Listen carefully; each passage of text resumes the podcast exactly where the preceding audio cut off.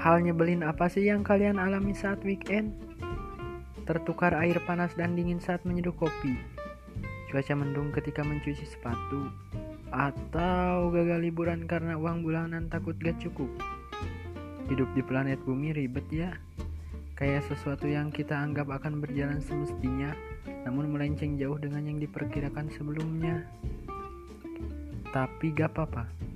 Berarti itu tandanya dewasa dan mulai bodoh amat adalah jalan keluarnya.